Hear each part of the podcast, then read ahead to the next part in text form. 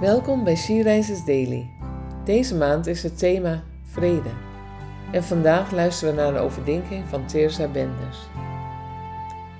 We lezen uit de Bijbel 2 Korintiërs 13 vers 11. Tot slot, broeders, wees verheugd. Beter uw leven, neem mijn vermaningen ter harte, wees eensgezind, leef in vrede met elkaar, want dan zal de God van de liefde en de vrede met u zijn. Deze woorden staan aan het eind van Paulus' tweede brief aan de gemeente in Korinthe. De toon ervan is streng. En uit voorgaande hoofdstukken blijkt dat hij bezorgd is over de gemeente. Dat er sprake is van spanning tussen de verschillende apostelen en de gemeenteleden.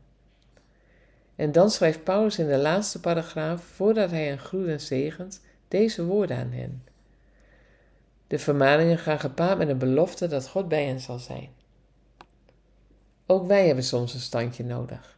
In een tijd waarin er zoveel nood is, zoveel verdeeldheid en conflict, is het juist belangrijk dat wij als kinderen van God een hechte eenheid vormen, een wereldwijde gemeente die Hem dient. Wij hebben als ambassadeurs van Christus een voorbeeldfunctie tegenover de rest van de wereld. Wij zijn door God geroepen om een ander de liefde van Jezus te tonen, om Zijn evangelie te delen en een licht te zijn in de duisternis dat kunnen we alleen effectief en geloofwaardig doen als wij daadwerkelijk naar streven om in eensgezindheid met elkaar te leven en te tonen wat het betekent om in ware vrede met elkaar te leven.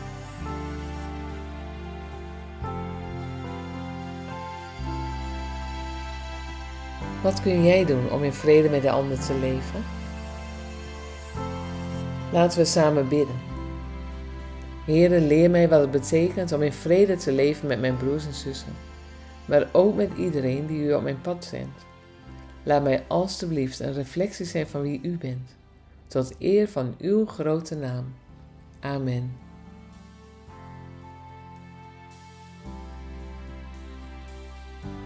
Je luisterde naar een podcast van She Rises.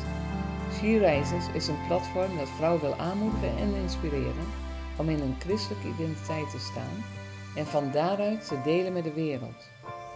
Wil jij onze missie steunen, dan kan dat door de vindbaarheid van deze dagelijkse podcast te vergroten. Klik op volgen of abonneren op de streamingsdienst waar je deze podcast luistert. Of laat een review achter. Alvast bedankt.